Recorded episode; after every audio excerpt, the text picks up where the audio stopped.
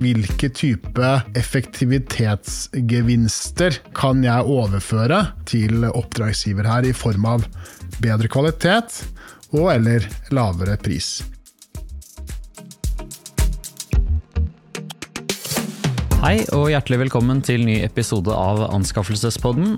En podkast fra advokatfirmaet Simonsen Fugtvik og Mercell, markedsplassen for innkjøpere og leverandører. Vi tar for oss aktuelle tema for å gi deg en faglig oppdatering innenfor offentlige anskaffelser. Mitt navn er Olav Haukli. Jeg er advokat og jobber med offentlige anskaffelser her i Simonsen Fugtvik. Og med meg i dag så har jeg min kollega Espen Bakken.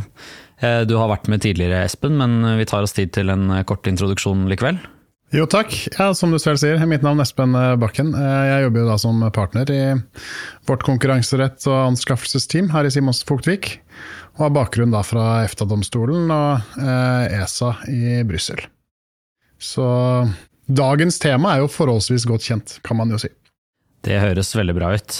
Og det temaet er eh, anbudssamarbeid, så der har vi jo en krysning mellom eh, anskaffelsesretten og konkurranseretten. Vi har jo tidligere hatt en episode om nettopp eh, dette temaet. Da fikk vi en grundig gjennomgang med gjest fra Konkurransetilsynet. Og så, siden den gang, så har det kommet ny veiledning fra EU-kommisjonen. Og da har vi tenkt at det er på sin plass med en ny episode om dette temaet, som jo egentlig er ganske vanskelig. Men eh, Espen, hvis vi begynner med det litt sånn grunnleggende. Eh, anbudssamarbeid, hva er det, og hva slags eh, typer anbudssamarbeid finnes det egentlig?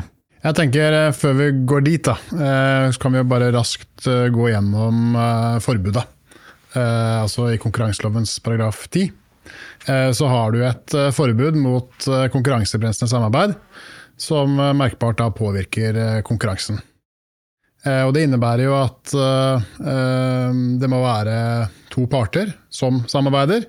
Typisk i den situasjonen vi skal snakke om i dag, hvor de to parter gir et felles tilbud. Enten så er man konkurrenter og gir et felles tilbud, eller så er man ikke konkurrenter og gir et felles tilbud. Alternativt så er man jo da ikke nødvendigvis konkurrenter, men en hovedleverandør og en underleverandør. Så det er ulike konstellasjoner man snakker om. Men jeg tror det er litt viktig å skille mellom. For eh, praktikerne har jo, og teoretikerne i og for seg også, har jo snakket om eh, grensen mellom ulovlig anbudssamarbeid eh, og lovlig prosjektsamarbeid. Og det er jo på mange måter to sider av den samme mynten.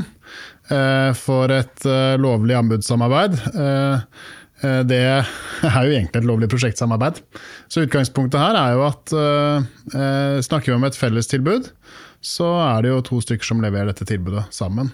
Men eh, vi snakker vi om et anbudssamarbeid, så, så, er det jo ofte også i kombinasjon med eh, selvfølgelig felles prising. Det sier seg på mange måter selv når man leverer et tilbud. Men eh, man skal heller ikke glemme at eh, i disse situasjonene så har man jo de såkalte bid-rigging-sakene, eh, hvor man også snakker om anbudsrotasjon. Eh, hvor enkelte aktører eh, planlegger å levere inn eh, tilbud, alternativt ikke levere tilbud. Vi har fiktiv prising, hvor man har blitt enige om at jeg priser meg på det nivået, du priser deg på det andre nivået, slik at du får tilbudene. Og vi har også en rekke andre saker knyttet til dette med ulovlig informasjonsutveksling i anbudsfasen. Så det er viktig å sette et ganske klart skille mellom anbudssamarbeid eh, og prosjektsamarbeid. Eller kall det felles tilbud. Mm. Eh, jeg syns det er et bedre begrep, eh, faktisk. Ja, og ulovligheter kan jo finne, steder, eh, finne, sted begge steder, egentlig. Du kan jo tenke deg eh, ulovlige elementer i det som ellers ville vært et lovlig samarbeid også. Absolutt. Så, men, men det som er veldig vanlig å se, er at man som hovedleverandør har behov for å knytte til seg en underleverandør, fordi mm. man f.eks. kanskje ikke tilbyr elektrikertjenester selv. Så eh, samarbeider man med en elektriker, slik at man kan mm. levere et tilbud som, som passer. Det er jo også et samarbeid, og som er, eh, som er veldig vanlig. Mm. Um, men det vi skal snakke om i dag, det er jo der hvor man, hvor man samarbeider uh, som konkurrenter, eller i det minste potensielle konkurrenter, da, som mm. du var inne på. Mm. Hvis vi da eh, begynner kort med å oppsummere rettstilstanden slik den har vært eh, i hvert fall frem til nå, da, altså det tradisjonelle synet som vi har hatt i Norge.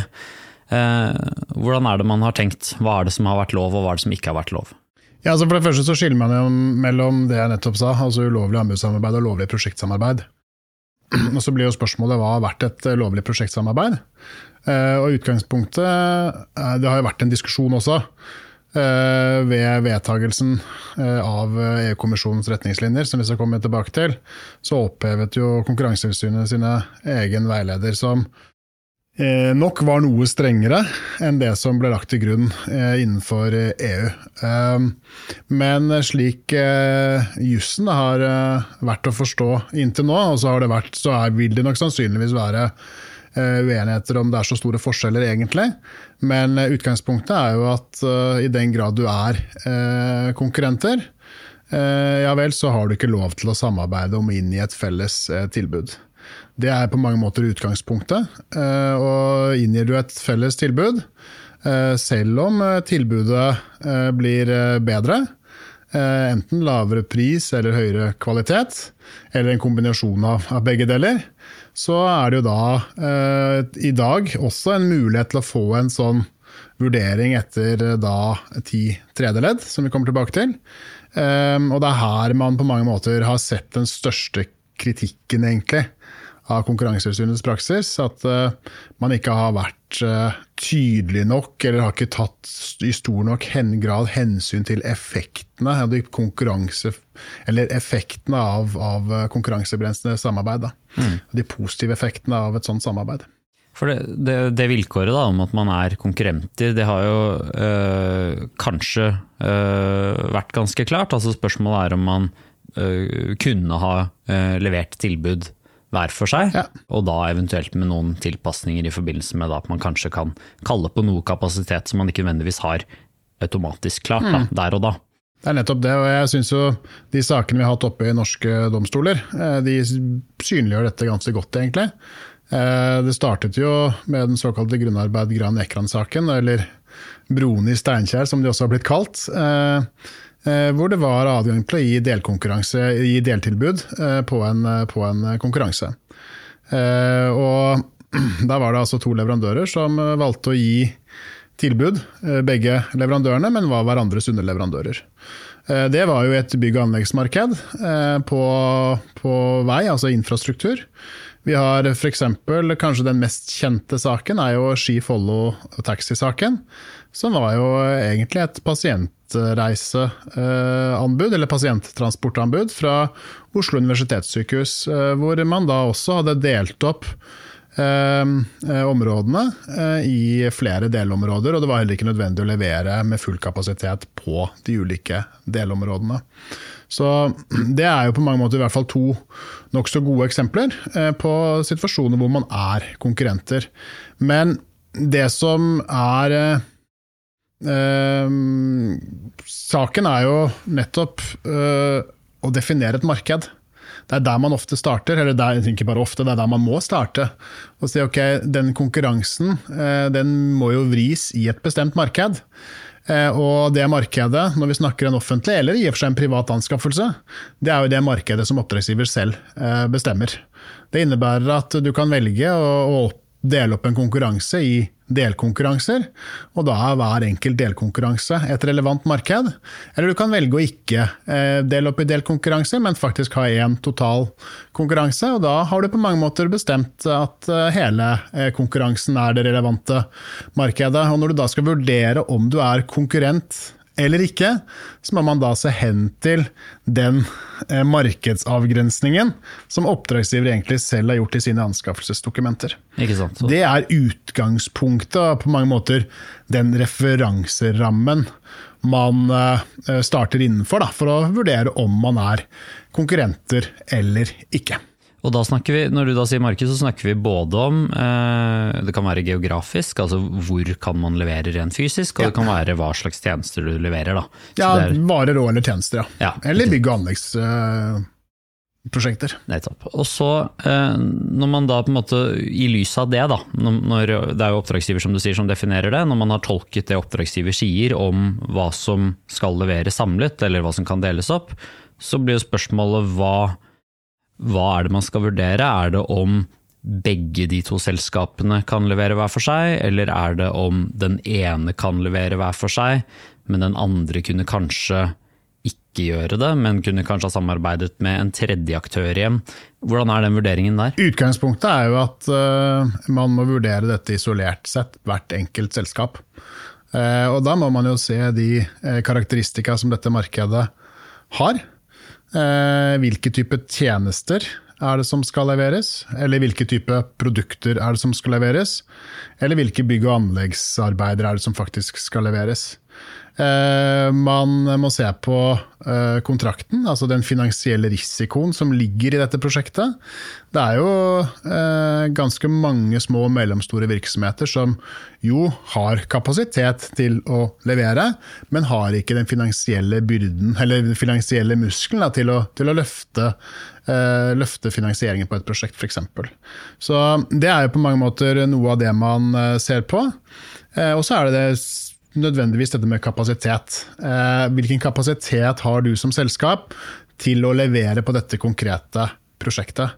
Eh, og det er jo en, eh, kall det en nåtidsvurdering. Ofte så er det jo slik at, la oss si i hvert fall i tjenesteproduksjon, da, så er det jo veldig ofte så er det jo allerede prosjektledere eller andre typer tjenester som allerede er utleid. Eh, og så er det jo slik at de du tilbyr, det er de også, du også skal levere med. Hvilket jo innebærer at uh, man må vurdere har jeg kapasitet til å gjøre dette alene. Uh, og med mine egne ansatte, alternativt med innleide underleverandører.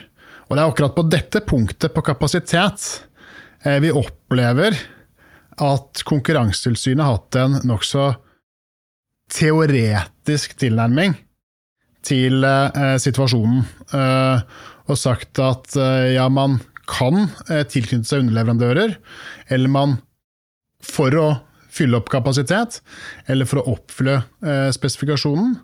Mens kommisjonen nå, eh, og det har jo kommisjonen ment hele veien, har et mer realistisk syn på det. I kommisjonens veileder så har man jo allerede, eller ikke allerede, men han har faktisk tydelig sagt at det skal være en realistisk vurdering som legges til grunn. Og for at du da som leverandør eh, skal kunne eh, si at eh, jo da, jeg har gjort denne vurderingen, ja, så må den på et eller annet vis dokumenteres. Særlig på kapasitet. Mm. Hvis det har noe med finansiering å gjøre, så har man jo regler i selskapslovgivningen som sier at større finansielle investeringer skal eh, styret ta stilling til. Da er det naturlig at styret er inne og gjort en vurdering om det vi kan gjøre dette på egen kjøl, eller om vi må gå sammen med andre. Da har du på mange måter tidsnære bevis da, mm. På, og dokumentasjonen som vil stå seg godt eh, i, den, i tilfelle et eh, konkurransetilsyn eller andre kommer og spør. Så det er viktig å gjøre vurderingene. Om du kan gjøre det alene, basert på de karakteristika som ligger i markedet. Eh, og da mener jeg, når jeg snakker om karakteristika i markedet, så snakker jeg om prosjektets størrelse, art og finansielle risiko. Mm. Eh, det er eh, forhold som man som selskap må ta i betraktning. Man må vurdere, og man må dokumentere. At enten så kan jeg dette, eller så kan jeg ikke gjøre det. Og kanskje særlig i den siste situasjonen er det viktig å si at dette kan vi ikke gjøre, dette har vi gjort en vurdering av. Ja.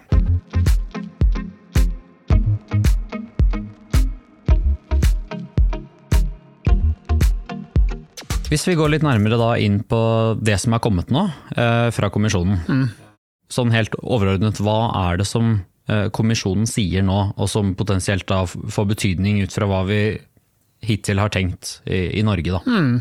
Utgangspunktet er at uh, hvis man skal se på kommisjonens uh, retningslinjer for horisontale avtaler, uh, så kommer de nå 1.6.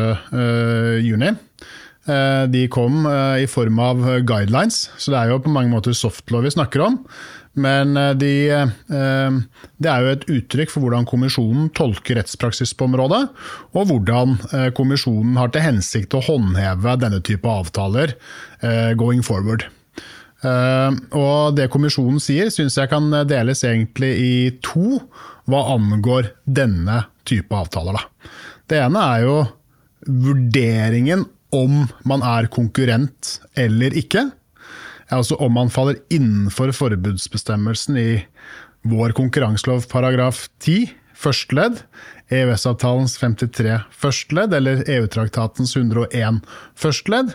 Er man konkurrenter, eh, eller er man ikke konkurrenter? Eh, og når man da skal vurdere, som jeg nettopp sa, dette med kapasitet, ja, så må det være en realistisk vurdering. Det er ikke en hypotetisk eller en teoretisk vurdering som skal gjøre. Man må se konkret på de prosjektene man har i markedet, og så må man se på de prosjektene man nå gir tilbud på.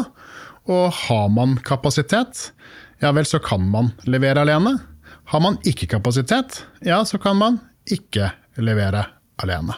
Så utgangspunktet her er at i den grad det er noe nytt, og det er jo en diskusjon, ikke sant, så er det denne tydeliggjøringen knyttet til at det skal være en realistisk vurdering, og ikke en formalistisk eller hypotetisk vurdering. Det oppfatter jeg. Om det ikke er noe nytt, så er det i hvert fall en tydeliggjøring av om du er dokumentasjon Eh, og vurderingstema knyttet til om du er konkurrent eller ikke. Det neste eh, som eh, oppleves som eh, nytt, eh, det er jo denne vurderingen av om hvis du går sammen med noen, også en konkurrent, eh, og du da kan gi et bedre tilbud. Altså for oppdragsgiver så er det jo slik at man gjerne har en anskaffelse ute Eh, og man har da eh, tildelingskriteriene pris, lavest kostnad, eller beste forhold mellom pris og kvalitet. Og hvis du da ender opp, la oss si f.eks. beste forhold mellom pris og kvalitet. Du har satt opp de ulike tildelingskriteriene, du har satt opp kravene, du har satt opp vektingen, og du har satt opp dokumentasjonen. Hvis du sammen da med en annen leverandør, som er din også konkurrent, eh, leverer et tilbud, Eh, så har det vært antatt at eh, den type argumenter, at du får et bedre tilbud, det er ikke relevant. Jeg er litt uenig i akkurat det, for jeg mener at det har vært praksis egentlig hele veien. Men ikke under 101-vurderingen, eller, også etter første ledd, etter forbudsbestemmelsen, men etter unntaksbestemmelsen. Og ser man på f.eks denne She Follow Taxi-saken som var i Høyesterett, så var jo ikke dette et tema. Og Hvorfor var det ikke et tema? Det var for at partene ikke hadde anket på det punktet på 101 tredjeledd, altså unntaksbestemmelsen, men de hadde anket på anvendelsen av forbudet. Konkurransetilsynet har i den saken, i grunnarbeid Gran Ekran-saken og de øvrige sakene de har behandlet, sånn som Elproffen, bl.a., så har de vært inne og vurdert om eh, effektivitetsgevinster i tredje ledd kunne være med å rettferdiggjøre en konkurransebegrensning. Eh, det har vært praksis hele veien, mens partene har ikke klart å gjøre det i tilstrekkelig grad. Nettopp, for Det, det tredjeleddsunntaket du snakker om, det er altså der, der hvor du i utgangspunktet har et ulovlig samarbeid. Riktig. Eh, så kan det likevel være lovlig dersom gevinsten av samarbeidet eh, har de fordelene, da, effektivitetsgevinstene, som da uh, utligner ulempene ved konkurransebegrensende ja, samarbeid. Det er i prinsippet en sånn, uh, kall det en kost-nytte-vurdering. Du mm. har noen i markedet så har du noen negative effekter på konkurransen av at to konkurrenter samarbeider, men samtidig så får du enten bedre kvalitet eh, og eller, eller, la oss si det sånn, ikke nødvendigvis bedre kvalitet, men du scorer bedre på tildelingskriteriene. Mm. Slik at oppdragsgiver får et bedre tilbud. det kan rettferdiggjøre Eh, disse ulempene på konkurransen i markedet. Mm. Så kommisjonen gir i hvert fall en tydeliggjøring av at det er relevant å vurdere, og det kan også uh, være slik at den unntaksbestemmelsen kommer til anvendelse for prosjektsamarbeid uh, der hvor det er konkurrenter som samarbeider, da, og de kan gi et bedre tilbud. Ja, Det er i hvert fall slik som uh, jeg og holdt på å si, våre kollegaer, når vi har diskutert dette, uh, diskutert oss igjennom hva dette egentlig innebærer, så innebærer dette på mange måter også en tydeliggjøring at i denne type situasjoner ja, så kan man komme med et såkalt effektivitetsforsvar da, etter, etter tredje ledd. Mm. Så har vi den særlige situasjonen knyttet til dette med delkontrakter. Eller deltilbud, da. For der er det jo slik at Eh, for det enkelte marked, eh, så er jo det den enkelte eh, delkonkurransen. Så der er man konkurrenter i den enkelte delkonkurranse. Men så blir jo da spørsmålet, der har det vært antatt at man ikke kan samarbeide da om hele prosjektet, hvis man er konkurrenter i delprosjektet. Ikke sant? Det er på mange måter vært det man har diskutert, og det er det man har vært, har vært en, en, antagelse. Her kommer også kommisjonen inn og klargjør at jo, det kan man, men da må man altså ende opp i en situasjon hvor eh, effektivit, eller fordelen ved å tilby hele prosjektet sammen med en konkurrent, som var konkurrent på en delkontrakt, ja, den oppveier da de ulempene det eventuelt skulle være å ikke være konkurrenter. Så Utgangspunktet her er f.eks., som vi ser i en rekke anskaffelser, er at det deles opp, eh, deles opp eh, kanskje små kontrakter. Men hvis man da får alt, så man kan man gi en betydelig rabatt, f.eks. Det er jo en rabatt som da overføres til sluttbruker, som jo også er et vilkår.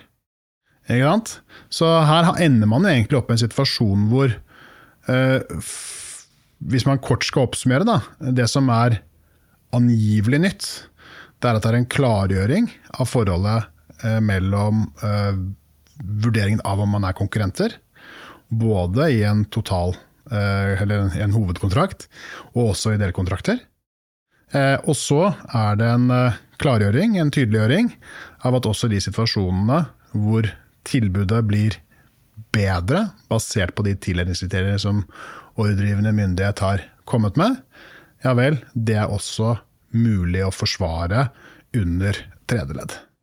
Det er på mange måter de tre sentrale key takeaways da, ja. fra en sånn, eh, fra en sånn eh, meddelelse som har kommet fra kommisjonen.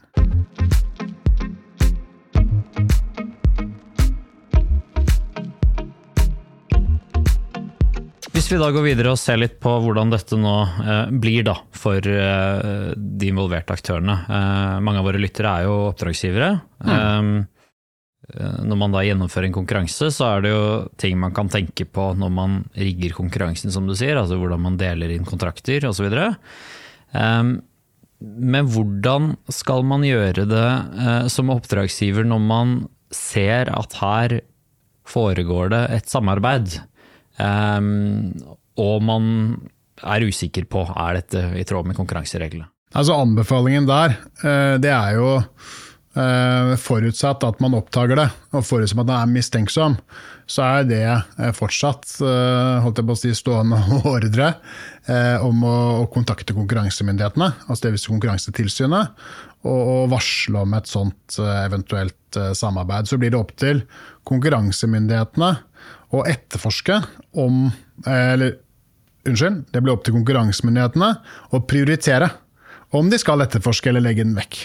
Ja. Og jeg tror jo, basert på den nye praksisen som kommer nå, eh, som har kommet, så vil nok flere saker trolig legges vekk enn bli prioritert. Og Bakgrunnen for det er at jeg opplever at det skjønnstemaet det er blitt mer vagt enn hva det var tidligere. Og det innebærer at man har, trenger mer ressurser eh, og, og bedre dokumentasjon eller bevis for at det eh, har foregått eller ikke foregått et anbudssamarbeid, før man da velger å prioritere en sånn type sak. Så, så, det er liksom det er dit man må gå. Man, man, eh, du anbefaler ikke oppdragsgiverne å sette seg ned og begynne å undersøke dette selv og innhente opplysninger fra leverandørene for å vurdere lovligheten av samarbeidet og gå den veien? Nei, I utgangspunktet så, så tenker jeg at uh, konkurransemyndighetene uh, er de som har den faglige ekspertisen på dette.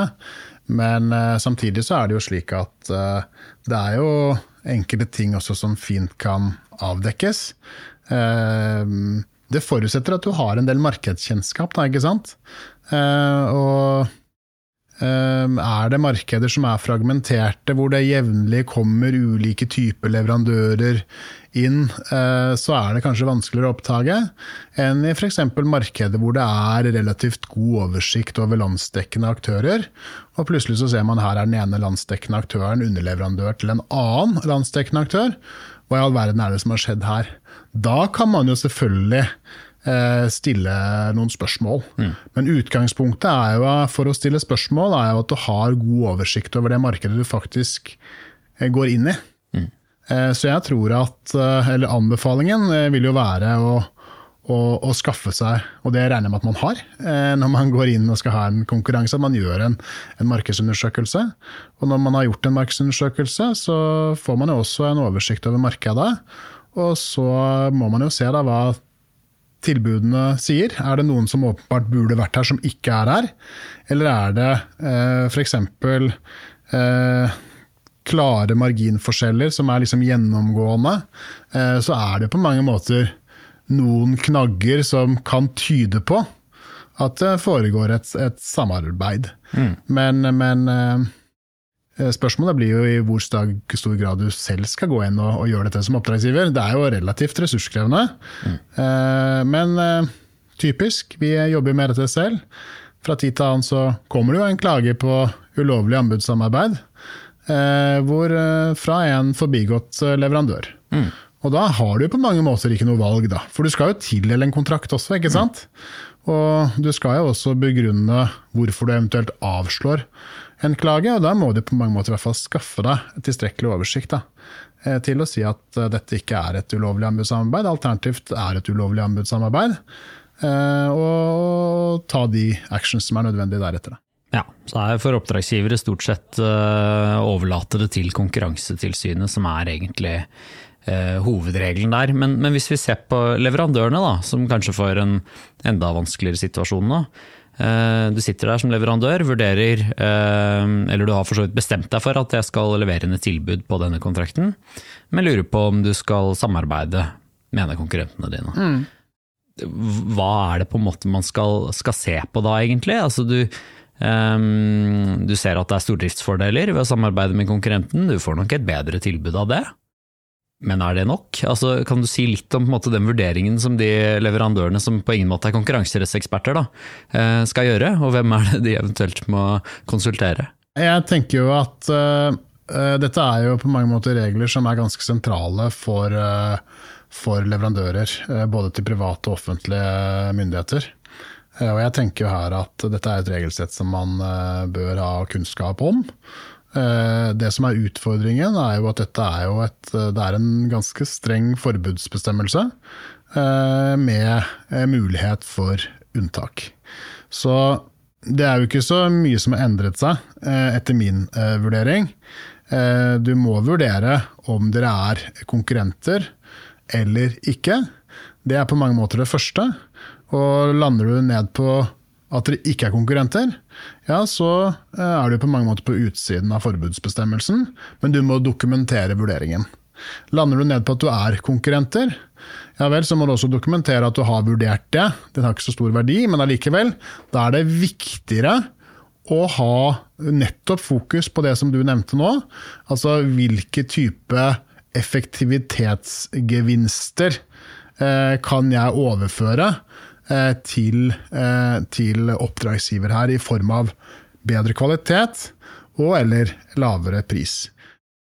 En ting som det er viktig å nevne her, da, og det er jo slik at ja, selv om det er en lavere pris eh, eller bedre kvalitet, så er det ikke et carte blanche for å, for å samarbeide. Du må jo på mange måter se på markedet og de karakteristika som er i markedet. Så hvis konkurransen begrenses vesentlig, Eh, ja vel, så skal det jo veldig mye mer til enn eh, hvis den er en, en, en, en ubetydelig eller en mindre konkurransebegrensning av et sånn type samarbeid. Og Da må man jo se på ja, hvordan ser leverandørmarkedet ut, hvordan ser konkurrentene våre ut.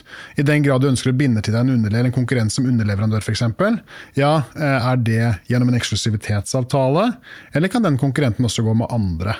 Altså Alle den typer vurderinger må inn. Og det gjør jo nettopp at her er det eh, ganske utfordrende å forutsi eh, utfallet av en sånn vurdering. For ser man eh, Konkurransetilsynets praksis på de sakene som har vært, eh, med unntak av fusjonssaker, som jo ikke er relevant her, men i disse atferdssakene, som jo paragraf 10 er, så er det veldig, veldig få saker på anbudssamarbeid, om noen, som har kommet gjennom med et effektivitetsforsvar. Mm. Grunnarbeideren Gran Ekran gjorde ikke det. Ski Follow Taxi gjorde de ikke det. Elproffen gjorde de ikke det. Ei heller de øvrige sakene som har vært i tilsynet. Så det er risikabelt? Ja, altså risikoen har ikke nødvendigvis verken blitt mindre eller større. Risikoen mener jeg har vært konstant, eh, er fortsatt konstant. Mm. Men det man har sett både i media og andre steder, er jo at nå har man fått muligheten i større grad til å samarbeide. Muligheten har nok vært der hele tiden, men risikoen og tydeliggjøringen av hva som er relevant, det er det kommisjonen på mange måter bringer til torgs her da, med denne veiledningen sin. Ja. En telefon til Konkurransetilsynet, det, vil det løse den usikkerheten man står i, eller hvordan, hvordan vil det gå? Altså, utgangspunktet er jo at uh, Konkurransetilsynet har jo på mange måter en uh, veiledningsplikt. Men uh, de tar jo ikke De gir jo ikke som skatteetaten bindende forholdsuttalelser på noen som helst slags måte. Så dette er jo et regelsett som du som næringslivsaktør er forpliktet til å følge. Og forpliktet i hvert fall til å ha kjennskap til og overholde. Ikke sant. Og så er det vel også grunn til å minne om det vi var inne på i stad. Selv om man eh, er inne i et samarbeid, så, så, må man holde seg strengt innenfor det som da er lovlig i det samarbeidet, og ikke utveksle konkurransesensitiv informasjon om andre ting da, enn det som er nødvendig. Mm. Um, sånn at man, det er bare det som er en del av akkurat det lovlige samarbeidet som, er, som det er lov å snakke om, egentlig. Det er helt, eh, helt uh, riktig. Um, og i, i forberedelsen til eh, denne podkasten så har jeg på mange måter vært igjennom både denne litt eldre grunnarbeid Gran Ekran-saken for Høyesterett og Skifold og Taxi-saken igjen også, for å vurdere ville man kommet til et annet resultat på forbudsbestemmelsen. Eh, ville man kommet til at dette ikke var et anbudssamarbeid, f.eks. i Ski Follow Taxi-saken. Mm. Eh, etter min vurdering så eh, ville man ikke det. Eh, forbudsbestemmelsen på anbudssamarbeidet mellom eh, Ski og Follo taxisentraler gjennom et felleseid selskap. Eh, det ville nok vært det samme i dag som før. Samtidig så ville man jo, om man hadde påanket det, kunne fått en vurdering av de mulige effektivitetsgevinstene av å faktisk kunne tilby en større fleksibilitet i, bilparken, f.eks. Mm. Som jo var et tildelingskriterium som i den konkurransen talte 12,5% eller hva det var. Ok, nettopp. Ja, men det er, det er, godt å høre da, at de avgjørelsene fortsatt står seg. For det er vel sånn at eh, selv om dette er noe som kommer fra kommisjonen, Norge er jo ikke med i EU, så er dette eh, svært relevante uttalelser for forståelsen av de reglene som også gjelder i Norge, ikke sant? Ja, ja. Altså, utgangspunktet her er jo at materielt sett Altså Innholdsmessig så er reglene helt, helt tilsvarende. Eneste forskjellen mellom da eh, paragraf 10 og eh, 53 og 101, det er jo egentlig det grenseoverskridende elementet, altså samhandelspåvirkningen. Men materielt sendt på konkurransebegrensningskriteriet, som vi jo snakker om her, så er det helt likt. Og Høyesterett har jo også i flere konkurransesaker, både ski, follow taxi, Eh, EFTA-domstolen eh, i Ski Follow Taxi-saken, som jo var en rådgivende uttalelse. Og også i Grunnaberg Gran Ekran har jo sagt at eh, kommisjonens retningslinjer skal legges til grunn, eller håndhevelse skal legges til grunn også for, for, hvordan dette skal gjøres i Norge. Da. Og det ser man jo også, at Konkurransetilsynet, jo etter at retningslinjene kom For disse retningslinjene hadde man ikke før i tilsynet i EU, slik at det var behov for veiledning Så Konkurransetilsynet har jo tatt sin veiledningsplikt på alvor og utstedt disse retningslinjene de hadde, eh, rett etter at det kom grunnarbeid Gran Ekrand kom fra Høyesterett. Eh, som da også ble stadfestet i eh, Ski Follow Taxi-saken. og så har man jo da forsøkt å veilede gjennom denne veilederen. og så har nå kommisjonen kommet med sin veileder på horisontale avtaler mellom konkurrenter. og vært tydeligere. Følgelig så faller behovet bort, og så uh, velger Konkurransetilsynet å, å, oppheve sin veileder. Mm. Ja. Uh, når det er sagt, så blir jo hva skal jeg si, rettskildebildet noe mer vanskelig tilgjengelig. Mm. Men likevel slik at kommisjonen, nei, unnskyld, Konkurransetilsynet har jo allerede oppdatert sine nettsider. Så i den grad man ønsker å søke informasjon og veiledning om forbudsbestemmelsen og effektivitetsforsvaret, Eh, så finnes det på Konkurransetilsynets hjemmesider. Og det er også gode beskrivelser, hvor de gjentar eh, mye av det som står i kommisjonens retningslinjer. Eller så kan man kontakte advokat. Det er selvfølgelig også en mulighet. Mm. Før vi avslutter, hva tenker du fremover nå? Nå har vi fått disse nye retningslinjene. Ehm, vi har vært inne på hvor stor forskjell det er eh, rettslig sett fra det som har vært eh, tidligere. Tror du det blir en stor endring i hvordan samarbeidet mellom leverandører eh, blir i praksis? Utgangspunktet er jo at det har vært en saying, og kanskje særlig litt, litt sånn større anleggsentrepriser, gjennomført av Nye Veier, Statens vegvesen, Bane NOR mv. At uh, norske konkurransemyndigheters tolkning av konkurransereglene den er veldig formalistisk. Uh, så vi tør ikke inngå denne type samarbeid. Det vil nok sannsynligvis, i uh, hvert fall for hva angår de utenlandske entreprenørene, som er vant til et mer kall det jeg skal ikke si lempeligere, for det er ikke så veldig stor forskjell. Det er som vi har snakket om, eh, relativt likt. Eh, vil nok det innebære at du vil nok se eh, flere, flere samarbeid fremover mellom norske og utenlandske entreprenører. Vi står jo foran Myndighetene har jo lansert store planer for investeringer på infrastruktur, både på bane og på vei, som veldig få selskaper sannsynligvis løfter alene. For ikke å snakke om eh, disse offshore vind-prosjektene, som da ligger på, på eh, beddingen også. Som eh, nettopp har blitt utsatt, riktignok. Men der er det, er det også helt åpenbart, etter min vurdering, behov for å samarbeide om den type kontrakter. Men jeg gjentar, og det er det viktigste, Olav, det er at i den grad man beveger seg inn i samarbeid med konkurrenter, så må man være bevisst på hva man gjør, og man må dokumentere de vurderingene man har gjort, slik at de tidsnære bevisene som da man produserer på det tidspunktet vurderingene gjøres, de har en høyere bevisverdi i en eventuell etterfølgende sak. Fremfor, som vi egentlig ser altfor ofte, at dokumentasjonen og argumentasjonen produseres når det oppdages. Da er bevisverdien fryktelig lav. Det var et eh, fint råd å avslutte denne episoden med. Eh, da sier vi takk til deg, Espen, for eh, veldig godt faglig påfyll om disse vanskelige spørsmålene i krysningen mellom konkurranserett og anskaffelsesretten. Og så takk også til våre lyttere, som vi håper har fått godt utbytte av denne episoden.